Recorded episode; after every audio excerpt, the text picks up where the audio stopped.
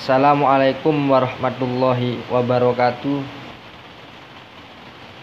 Saya akan bercerita mengenai fase kedewasaan, problema kehidupan fase anak beranjak dewasa.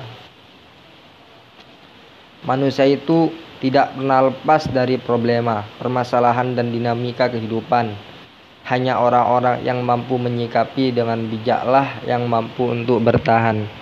Jika kita tidak mempunyai sebuah tujuan hidup, maka hidup tidak akan terarah dan mengembang di kehidupan dunia ini.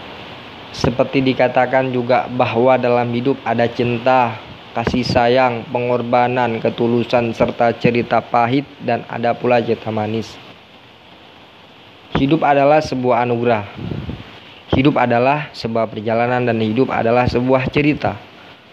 Anugerah bagi setiap manusia yang selalu bersyukur hingga detik ini diberi kehidupan oleh Allah Subhanahu wa taala.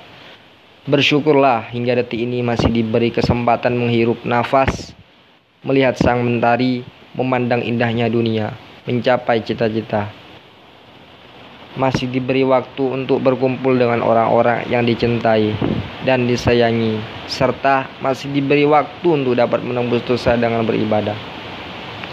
Hidup adalah sebuah anugerah hidup, titipan dari Sang Maha Pencipta, yang mana kita sebagai umatnya harus menjaganya, selalu bertakwa serta bersyukur akan apa yang telah kita terima saat ini. Maka jangan menyanyiakan sisa-sisa waktu hidup kita yang tak tahu kapan berakhir. Emang memang hidup ini susah. Hidup ini indah jika dinikmati.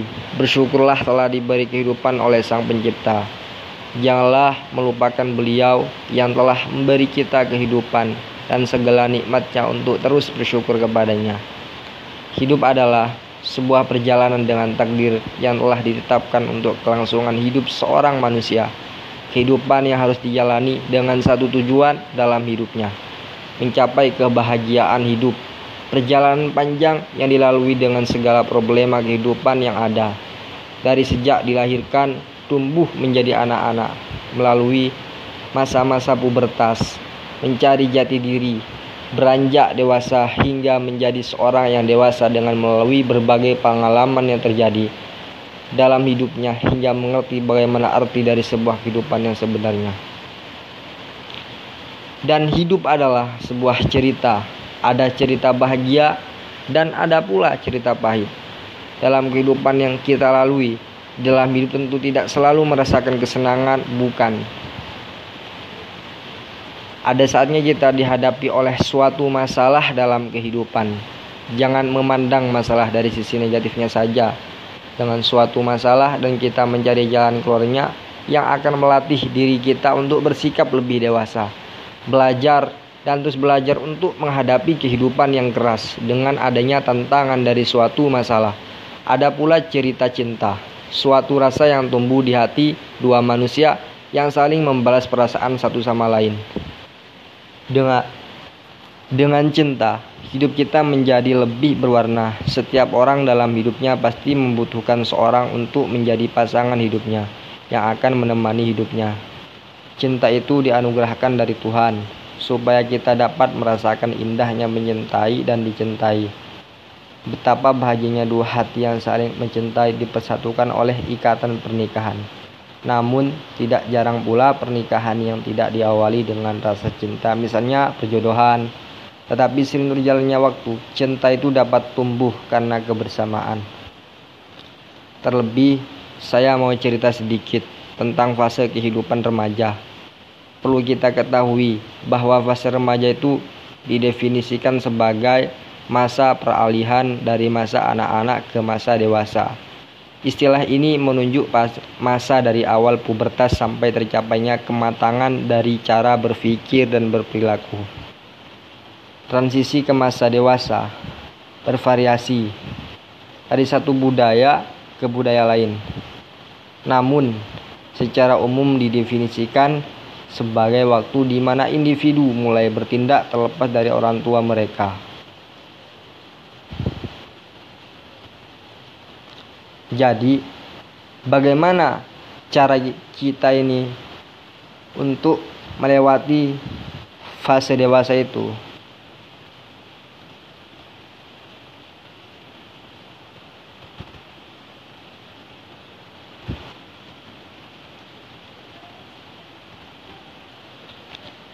Kita harus mulai membiasakan bersosialisasi dengan orang lebih dewasa, sering berkumpul dengan orang-orang yang lebih dewasa agar bisa beradaptasi di lingkungan masyarakat. Remaja sendiri juga memiliki ciri-ciri tersendiri. Ciri utama pada masa remaja ditandai dengan adanya berbagai perubahan-perubahan tersebut antara lain perubahan visi,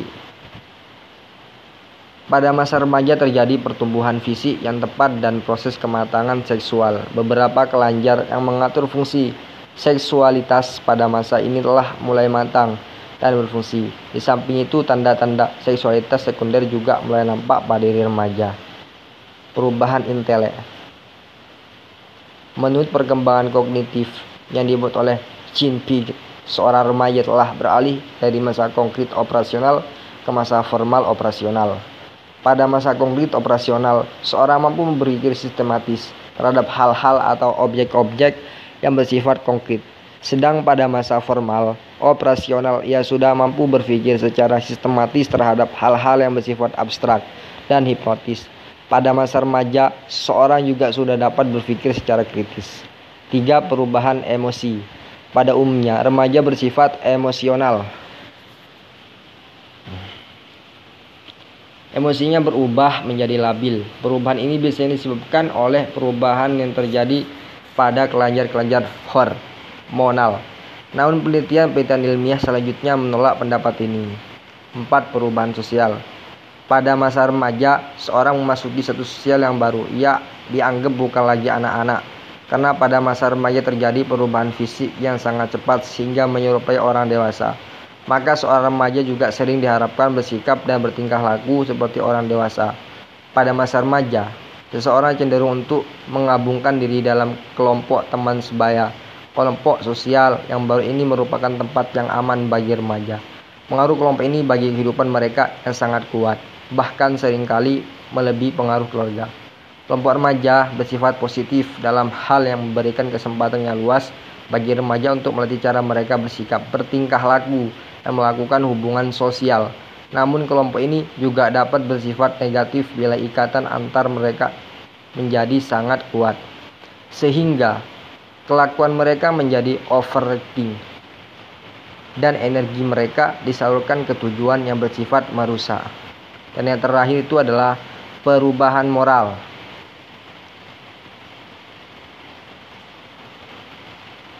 Biasanya kalau perubahan motor tersebut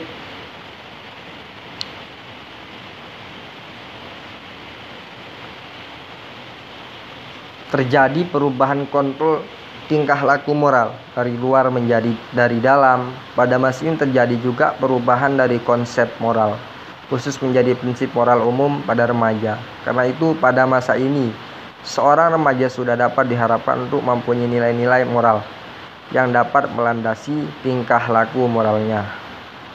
Banyak orang bilang bahwa masa remaja adalah masa yang indah. Erikson melihat perkembangan remaja dalam hubungan dengan pembentukan identitas diri. Menurut dia, pada masa remaja seorang juga mengalami kegoyahan tingkah laku moral. Hal ini dapat dikatakan wajar sejauh kegoyahan ini tidak terlalu menyimpang dari moralitas yang berlaku tidak terlalu merugikan masyarakat serta tidak berkelanjutan setelah masa remaja berakhir. Banyak orang bilang bahwa masa remaja adalah masa yang indah. Perkembangan remaja dalam hubungannya dengan pembentukan identitas diri pada masa remaja seorang akan mempertanyakan identitas dirinya. Pencarian akan jati diri diwakili dengan sejuta pertanyaan yang mewakili rasa ingin tahu mereka.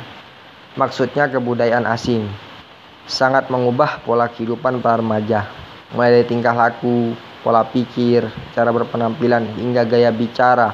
Mereka pun ikut berubah.